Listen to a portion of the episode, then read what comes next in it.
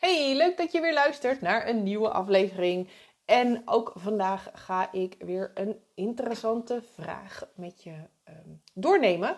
En met dit, dit gaat, vandaag gaat het vooral over uh, eigenlijk de toekomst. Ik ehm, ehm, was mij uh, van de week ineens, ik was een beetje uit het raam aan het staren en uh, een rekensommetje aan het maken. En toen realiseerde ik me dat het echt nog maar heel kort duurt voordat het 2024 is. Nou, ik weet niet hoe het met jou zit, maar ik ben er eigenlijk nog lang niet aan toe. Um, maar goed, het is wel iets wat uh, gaat komen. En um, dat betekent dus ook dat als jij in 2024 zwanger wilt zijn, dan, um, ja, dan zul je toch nu echt wel uh, aan de bak moeten, om het zo maar te zeggen. En daarom dacht ik, hé, hey, wat is nou interessant voor jou om mee te nemen in, uh, nou, in, in, het, in het stukje, in het zwanger worden. In, uh, kijken, wat gaat nou voor jou de wijze het meest verschuiven? En um, toen bedacht ik me, ja, er zijn een aantal dingen die ik bijvoorbeeld in mijn persoonlijke begeleiding constant weer terug zie komen. In die begeleidingstrajecten help ik vrouwen om hun vruchtbaarheid te verbeteren, uh, al dan niet met hun partner, zodat zij een veel grotere kans hebben op een gezonde zwangerschap. Nou, de afgelopen maanden heb ik hier tientallen vrouwen mee mogen begeleiden. En dit is een, een uh, dus eh, relatief nieuw voor mij. Hiervoor heb ik heel veel op zeg maar hormonale klachten, dus wat meer breder, wat meer algemeen, cyclusproblemen. Um, maar dus sinds dit jaar eigenlijk echt helemaal volledig gefocust op vruchtbaarheid. En um, ja, inmiddels, wat is het, 20 trajecten verder, denk ik, um, vallen mij een aantal dingen op. En dat is natuurlijk het mooie van uh, um, ja, steeds meer vrouwen met hetzelfde probleem eigenlijk uh, helpen. daar gaan op een gegeven moment dingen opvallen. Er, zijn, er is een soort van rode draad. En ik dacht, ja, weet je, als dat voor die vrouwen uh, zo naar boven komt, dan geldt dat waarschijnlijk voor heel veel vrouwen die op dit moment problemen hebben rondom zwanger worden, zwanger blijven. Um, en hoewel 2024 nog ver weg lijkt, uh, het is dus nog maar zo'n, denk 65 dagen op het moment dat ik deze aflevering opneem. En als je bedenkt dat jouw eicellen zo'n 100 dagen nodig hebben om volledig tot rijping en uiteindelijk tot ovulatie te komen, is dus niet die 14 dagen die uh, meestal wordt verondersteld, dan um, snap je dus dat het zwanger worden in 2024 eigenlijk vandaag al begint als je rekening houdt met het feit dat dit jaar nog maar 65 dagen heeft en dat je eicellen zo'n 100 dagen nodig hebben om uiteindelijk tot um, ja, een goede eicel en een goede ovulatie te komen, eh, te komen. Want een verminderde eicelkwaliteit is eigenlijk de meest voorkomende oorzaak van verminderde vruchtbaarheid. Zonder een gezonde eicel uh, kan er geen zwangerschap plaatsvinden. Natuurlijk heb je ook een gezonde spermacel nodig, maar je ziet dat in heel veel gevallen die ontwikkeling van die eicellen echt wel um, nou, een beetje te wensen overlaten. En uh, hoewel dat vooral in de laatste fase eigenlijk van die ontwikkeling, dus in inderdaad in die laatste, nou, laten we zeggen 14 dagen, uh, vaak vooral plaatsvindt, spelen natuurlijk al die dagen daarvoor ook een belangrijke rol. En alles wat je dus eet, doet, niet doet, uh, te veel doet, te weinig doet, heeft allemaal invloed op die uh, eicellen. En um, als je bedenkt dat al je cellen, inclusief dus je eicellen, worden opgebouwd uit de voeding die je in je mond stopt, dan begrijp je ook hoe belangrijk het is om de juiste dingen te eten. En hoewel dit een belangrijk onderdeel is, is het slechts een deel van de verklaring waarom steeds meer stellen problemen ondervinden met zwanger worden. Um, vandaag ga ik dus eventjes wat dieper uh, met je in op de drie factoren die ik vooral heel veel terug zie komen um, bij verminderde vruchtbaarheid. En allereerst is dat een gebrek aan energie. En uiteindelijk is alles in het leven energie, maar onze cellen, en wij zijn natuurlijk opgebouwd uit allemaal cellen, um, hebben energie nodig en produceren ook energie. Nou, waar halen wij onze energie vandaan? Dat is eigenlijk onze voeding. Dat is onze brandstof. Zoals een auto benzine of diesel nodig heeft, zo hebben wij voeding en water en zuurstof nodig. Um, wat mij opvalt is dat dus uh, over het algemeen de vrouwen die ik begeleid veel te weinig eten. Dus gewoon in, in, in overal gezien. Dus op een dag, in een week, in een maand tijd. Dus dan komt er eigenlijk maar beperkt brandstof binnen. Ehm, maar dat ze ook te weinig van de juiste voedingsstoffen binnenkrijgen. Als je bedenkt dat al jouw cellen, die, dat zijn kleine energie ja, om het zo maar te zeggen. Het is niet eens één fabriek. Iedere cel heeft meerdere energiefabriekjes. En je eicellen hebben er echt wel nou ja, tienduizenden um, van die energiefabriekjes. En al die energiefabriekjes die lopen op uh, bepaalde vitamine, bepaalde mineralen, zuurstof. Um, en die hebben een, een goede celwand nodig. Nou, die celwand is onder andere opgebouwd uit vetzuren. Dus op het moment dat al die dingen ontbreken of niet voldoende aanwezig zijn, ja, dan is het natuurlijk niet gek dat die eicellen dus ook eigenlijk onderpresteren. Zie het als, um, dat is een metafoor die ik eigenlijk heel vaak gebruik, zie het als een huis bouwen. Op het moment dat jij een huis gaat bouwen, heb je, um, heb je bakstenen nodig. En die bakstenen die moeten heel zijn en je moet er ook voldoende van hebben. Want op het moment dat ze kapot zijn of je hebt te weinig bakstenen, dan gaan er gaten ontstaan in je huis. Ja, en dan is je huis nooit wind- en waterdicht. Zal het nooit echt een heel comfortabel, goed functionerend huis kunnen zijn. En dat geldt ook voor jouw eicellen. Daarnaast spelen ook, hè, en dat heeft allemaal met die energie te maken, maar ook met het soort eten dat we eten, de, de, de frequentie waarin we eten, uh, het gebrek aan voedingsstoffen dat we hebben. Uh, ik zie heel veel insulineresistentie of bloedsuikerproblemen uh, terugkomen. Ehm, dus vrouwen waarbij ja, eigenlijk uh, insuline is natuurlijk ook een hormoon. Dat heeft een directe invloed op je vruchtbaarheid. Dus op het moment dat die bloedsuikerhuishouding niet in orde is hè, en, en, en je dus bloedsuikerspieken en dalen hebt, um, ja, dan heeft dat effect op de kwaliteit van je eicellen. Ook je darm en je, uh, dus zeg maar je hele spijsvertering is enorm belangrijk.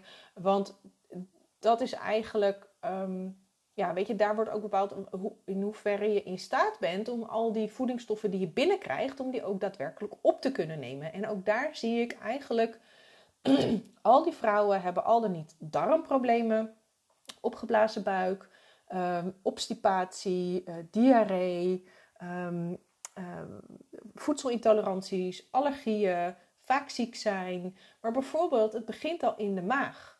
En ik laat die vrouwen eigenlijk altijd een uh, maagzuurtest doen. Dat kan je heel makkelijk thuis testen. Um, en daaruit blijkt dat het maagzuur vaak niet zuur genoeg is. En dat is enorm belangrijk, want het zorgt er aan de ene kant voor dat schadelijke bacteriën en andere ja, stoffen die we van buiten naar binnen eigenlijk meenemen in ons voedsel, dat die vernietigd worden, hè, doordat het zo zuur is. Maar de zuurgraad van je maag heeft ook invloed op bijvoorbeeld het kunnen verteren van bepaalde eiwitten, maar ook het opnemen van vitamine B12. En vitamine B12 is enorm belangrijk in heel veel processen, maar vooral ook voor je cellen, um, energiehuishouding, je rode bloedcellen. Uh, de, de, die energiefabriekjes hebben dat nodig. En op het moment dat je het dus niet kan opnemen, omdat je maagzuur niet goed is of omdat je spijsvertering niet goed is, ja, dan kan je nog zoveel goede dingen eten of nog zoveel supplementen slikken. Maar dan kan je het dus niet opnemen, komt het niet in je cellen terecht en uiteindelijk dus ook niet in je eicellen terecht, waardoor die niet goed kunnen functioneren. Nou, je kan ook thuis zo'n maagzuurtest doen. Dat is eigenlijk super simpel. Je doet een theelepeltje baking soda. Um, dus geen bakpoeder, maar echt baking soda. Dat zit vaak in zo'n oranje vierkante pakje. Um, een theelepeltje los je op in lauw water. En dat drink je op je nuchtere maag. En als je maagzuur zuur genoeg is, dan moet het gaan borrelen en moet je op een gegeven moment gaan boeren. Dat gaat al vrij direct nadat je dat hebt ingenomen. Als er nou niks gebeurt, dan is dat dus een teken dat waarschijnlijk jouw maagzuur niet zuur genoeg is. Ja, en dan heb je dus problemen rondom je vertering. En dan is dat dus een van de eerste dingen waar je mee aan de slag moet. Want dat is eigenlijk het begin van de hele keten. Uh, ja, en als het daar al misgaat, dan is het niet gek dat het ook verderop tot problemen leidt. Um, een ander uh, iets wat ik heel veel terug zie komen is een verminderde schildklierwerking. Vaak spreken we dan van een trage schildklier. Um, dit is eigenlijk niet echt een trage schildklier eh, als in de medische uh, diagnose die wordt gesteld, want dan moet hij echt bijna niet meer functioneren. Maar een, een verminderde werking van de schildklier, omdat er bijvoorbeeld uh, gewoon bepaalde voedingsstoffen ontbreken die je schildklier echt nodig heeft om goed te kunnen functioneren. Denk aan jodium, zink en selenium en vitamine A. Ehm, die komen bijna niet meer voor in onze, onze westerse voedingspatroon. Je schildklier houdt ook niet van stress. En we hebben allemaal stress. Dat kan mentale stress zijn, emotionele stress zijn. Stress doordat je te weinig voeding, te weinig energie binnenkrijgt. Stress doordat je aan uh, bepaalde chemicaliën wordt blootgesteld. Hè? Denk aan de plastics en de pesticiden en de cosmetica, dat soort dingen. En wat die schildklier doet, die, gaat dan, die, die heeft dan eigenlijk een soort van zelfbeschermingsmechanisme. Je schildklier is namelijk enorm belangrijk in heel veel verschillende hormonale processen. Onder andere je energiehuishouding, ehm, maar dus ook je vruchtbaarheid en je temperatuurhuishouding. Nou, die temperatuurhuishouding is ook enorm belangrijk voor je vruchtbaarheid. Want om um, zeg maar dat hele, met name het hele innestelingsproces en dus zeg maar de, de, de, het op gang brengen van die zwangerschap, moet je lichaam een bepaalde temperatuur hebben. En als die temperatuur te laag is, ja, dan heeft dat dus direct negatieve effecten op die innesteling en het begin van die zwangerschap. En is de kans dat dus die zwangerschap vroegtijdig wordt afgebroken veel groter. Ehm, waarom gaat die temperatuur naar beneden? Omdat die schildklier eigenlijk zegt: joh, weet je, ik heb te weinig energie om, om het huis te verwarmen. Hè. Zie je het dus als je eigen thermostaat. Ik heb te weinig energie om het huis te verwarmen. Dus ik zet hem op de spaarstand, zodat, nog wel, zodat het wel kunnen functioneren. Hè. Maar ik kan het niet echt lekker opstoken. Nou, vaak komt dat doordat er gewoon een gebrek aan voedingsstoffen is of een, een, een te, hoge stressbelasting voor je lijf. Ik wil niet zeggen dat jij dat ook zo ervaart, maar dat dat wel voor je lijf is. Ook uh, blootstelling aan, uh, of tenminste zware uh, metalen kunnen dat, dat effect hebben. En um, ja, dan zegt je lichaam, joh, het is gewoon niet zo'n hele gunstige periode. Er is voedseltekort, want ik krijg te weinig eten binnen. Um, ik ga een, een tandje lager, ik zet de temperatuur iets lager. Dan gaan een aantal processen, die worden ook iets trager, functioneren misschien iets minder goed. Maar we zijn er nog wel, we kunnen nog wel overleven. En dan wachten we tot betere tijden. Ehm, en dan kunnen we de boel weer, ehm, nou ja, een beetje omhoog gooien. Um, dus op het moment dat je zeg maar blijft eten wat je eet, op het moment dat die voedingsstoffentekorten blijven, uh, uh, er blijven, op het moment dat die stressbelasting op je lichaam blijft, zal die schildklier dus ook nooit helemaal lekker kunnen functioneren. En die heb je natuurlijk wel nodig voor die gezonde zwangerschap, onder andere omdat het je Ehm, eh, de hormonen die daarbij betrokken zijn reguleert, maar omdat het dus ook je energiehuishouding en ook je temperatuur reguleert.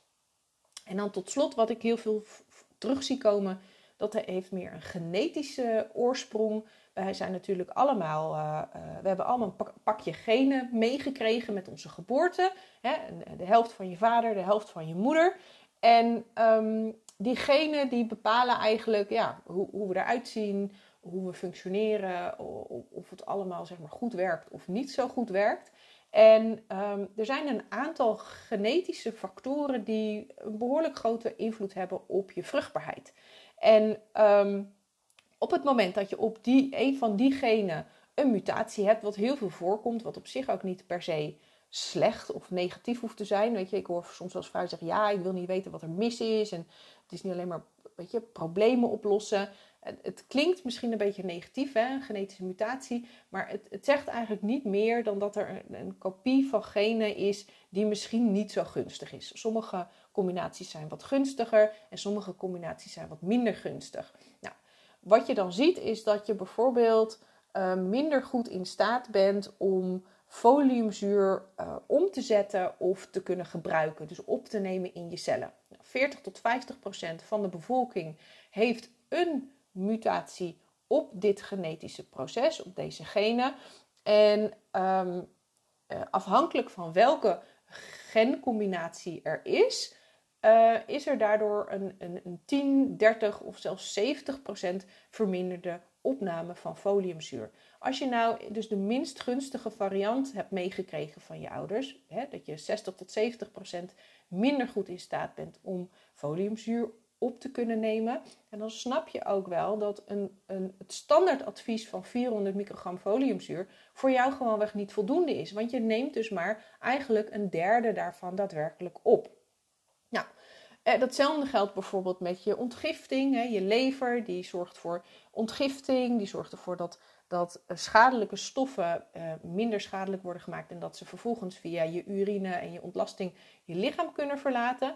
Op het moment dat, dat, die lever niet zo goed functioneert, en de meeste mensen hebben al een wat belaste lever, hè, er zijn nou eenmaal veel chemicaliën, medicijnen, giftige stoffen, hormonen, noem het allemaal maar op. Hè. Dat moet allemaal door die lever heen. Maar heb je nou een mutatie op die ontgifting, op een van de fases van die ontgifting, ja, dan kan het zijn dat jij dus ten opzichte van iemand die die mutatie niet heeft, dat jij je lever net even wat meer moet ondersteunen, dat even wat minder moet belasten met bepaalde dingen, om die lever goed te kunnen laten functioneren en om dat hele ontgiftingsproces goed te kunnen laten plaatsvinden. Um, zo zijn er ook bijvoorbeeld um, genetische mutaties die um, je vetmetabolisten kunnen beïnvloeden. Hè. Dat zegt wat over de omega-3 en de omega-6 balans. Maar het zegt ook wat over zeg maar, de aanmaak en, en het, uh, de, de, aanmaak van cholesterol. Nou, het cholesterol is bijvoorbeeld ook heel erg belangrijk voor je baby. Het is heel erg belangrijk voor de aanmaak van je hormonen. 80% van de cholesterolproductie vindt in jouw lever plaats. Dus het maakt je lichaam zelf aan op basis van behoeften. En maar 20% komt vanuit je voeding. Maar je lever heeft wel de grondstoffen nodig om die cholesterol aan te kunnen maken. Nou, dat zijn gezonde vetten. Ehm, ik zie soms vrouwen die niet of nauwelijks vetten eten, in, in, eh, nog altijd in eh, de, um, tenminste denkend dat uh, vetten slecht voor je zijn. Hè, dat je daarvan aankomt en dat dat niet goed voor je is. Maar je lever heeft dus die vetten nodig om die hormonen aan, cholesterol te kunnen maken, zodat die hormonen ook aangemaakt kunnen worden. Op het moment dat dat ontbreekt, ja, dan, dan kan dat dus invloed hebben op je hormoonhuishouding. Heb je nou een mutatie op dat vetmetabolisme, ja, dan, dan kunnen er zeg maar wat minder gunstige effecten zijn op het gebied van die, die vetzuurbalans en op het gebied van cholesterolaanmaak uh, uh, in, in je lever. Nou, is dat heel erg? Nee, niet per se als je weet dat dat er is, kun je er namelijk rekening mee houden. Hè? Want uiteindelijk is het bij je genen zo, het pakketje krijg je mee. Dat kan je niet veranderen. Maar hoe ze en of ze uiteindelijk dus tot expressie komen, hè? Dus, dus zeg maar hoe, hoe het uiteindelijk um, uh, uitwerkt, daar, dat wordt bepaald, wordt eigenlijk grotendeels bepaald door je leefstijl. Je voeding, je slaap, sporten, uh, stress, noem het allemaal maar op. Nou, en dat is heel fijn. Want op het moment dat je dat weet, op het moment dat je dus zeg maar uh, wel of niet een bepaalde uh, genetische mutatie heeft. En nogmaals, iedereen heeft die in meer of mindere mate. Gemiddeld genomen zie ik bij de vrouwen die ik begeleid, die bij mij zo'n test doen, dat ze tussen de 3 en de 5 van dit soort mutaties hebben. Op 12 elementen die worden onderzocht. Um, in de ergste gevallen, of tenminste, hè, in, in uh, ik, de meeste mutaties die ik ben tegengekomen zijn zeven. Dan zijn dus op zeven van de twaalf elementen is er een genetische mutatie. Ik wil niet zeggen dat die ook allemaal tot uiting komen en daadwerkelijk voor problemen zorgen. Maar het zegt wel iets over um, het feit dat het niet zo gek is dat uh, zwanger worden misschien wat lastiger is voor diegene. Omdat die genetische processen dus uh, wellicht niet zo goed functioneren of minder goed functioneren dan wanneer, je, wanneer ze die mutaties niet zou hebben. Nou, in dit soort gevallen is het dus heel erg belangrijk om heel gericht aan de gang te gaan met voeding en eventueel supplementen, leefstijl, om ervoor te zorgen dat die genen dus zo goed mogelijk hun werk kunnen doen en er dus een zo, uh, ja, eigenlijk zo, zo laag mogelijk risico is dat die ook daadwerkelijk tot die negatieve uiting komen. Als je in 2024 wil, dus wilt bevallen of zwanger worden van een gezonde baby, dan zal je dus nu wel iets moeten gaan doen. Rekening houden dus met die 100 dagen die je eicellen nodig hebben om zich te ontwikkelen.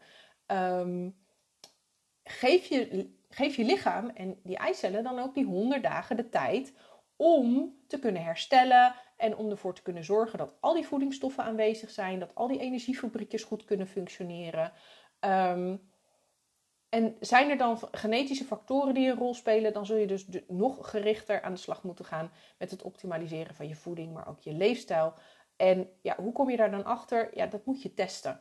En dit, zijn dus, is een andere test dan die bijvoorbeeld bij de huisarts of de gynaecoloog wordt gedaan. Hè. Daar wordt gekeken welke welke vitamine, mineralen en hormonen zijn er in je bloed te vinden. Maar dat zegt nog niks over wat er in die cellen gebeurt. En dat is juist zo belangrijk, want je wil niet weten wat er in je bloed rondstroomt. Dat zegt wel iets, maar dat zegt lang niet alles. Ehm, het, is veel interessanter om te weten wat er in die cellen gebeurt. Nou, dat kunnen we eigenlijk nog niet testen. Dus ga ik um, eigenlijk van de andere kant werken. Ik ga kijken, oké, wat is jouw genetische blauwdruk? En uh, hoe is je situatie nu? Dus ik ga kijken naar welke hormonale klachten heb je. Hoe is je voedingspatroon op dit moment? Zijn er andere gezondheidsissues, hè? allergieën, intoleranties, um, uh, nou ja, hoofdpijn, andere, weet je, allerlei klachten die je misschien niet in relatie tot elkaar brengt. Maar als ik dat allemaal bij elkaar, naast elkaar leg, dan kan ik wel uh, daaruit opmaken van hey, oké, je hebt deze genetische mutatie, je hebt deze klachten. Ah, ik zie dat je deze voedingsstoffen tekort komt. Eh, je hebt misschien vanwege die mutatie wat extra uh, ondersteuning uh, aan de hand van supplementen nodig. En op die manier komt er dus een heel concreet advies uit van wat jij moet doen in jouw persoonlijke situatie. Als jij denkt, hey, dit is interessant, uh, dit zou ook wel wat voor mij kunnen zijn, dan is het natuurlijk zwanger traject voor jou het beste startpunt, want daarin kom je hierachter. Je krijgt dan dus inzicht in die genetische factoren, welke voeding en supplementen nodig zijn en welke stappen jij kunt zetten om in principe nog in 2024 zwanger te worden. Wil je hier nou meer over weten of voel je uh, ja, dat dit voor jou dus een logische stap is? Stuur me dan vooral even een kort berichtje. Um, je krijgt dan van mij alle informatie uh, toegestuurd. Of we plannen even een vrijblijvende belafspraak. Dat werkt vaak net even iets makkelijker. Uh, kan je ook je vragen stellen als je dat wil. Uh, je kan me een berichtje sturen via Instagram of via e-mail. Allebei die gegevens staan in de beschrijving van deze aflevering. Sowieso leuk om met je te connecten op Insta, dus zoek me daar vooral ook even op. Um, ja, en mocht jij zelf een vraag hebben um, die je graag beantwoord wil hebben, dan mag je die ook naar me opsturen en dan neem ik hem mee in uh, een van de afleveringen van deze podcast. Vergeet ook niet om je te abonneren op deze podcast, zodat je de melding krijgt als er weer een nieuwe aflevering klaar staat. In principe is dat van maandag tot en met vrijdag. Maar op deze manier mis je er helemaal niks van. En dat doe je het simpelst door op volgen of op het belletje te klikken bovenaan de podcast. Ik hoop dat deze uh, aflevering jou in ieder geval heeft geholpen om weer wat stappen te zetten in uh, ja, toch jouw kansen vergroten op uh, zwanger worden. En um, nou, ik kijk er naar uit om van je te horen en hoop dat je ook de volgende aflevering er weer bij bent. Tot dan!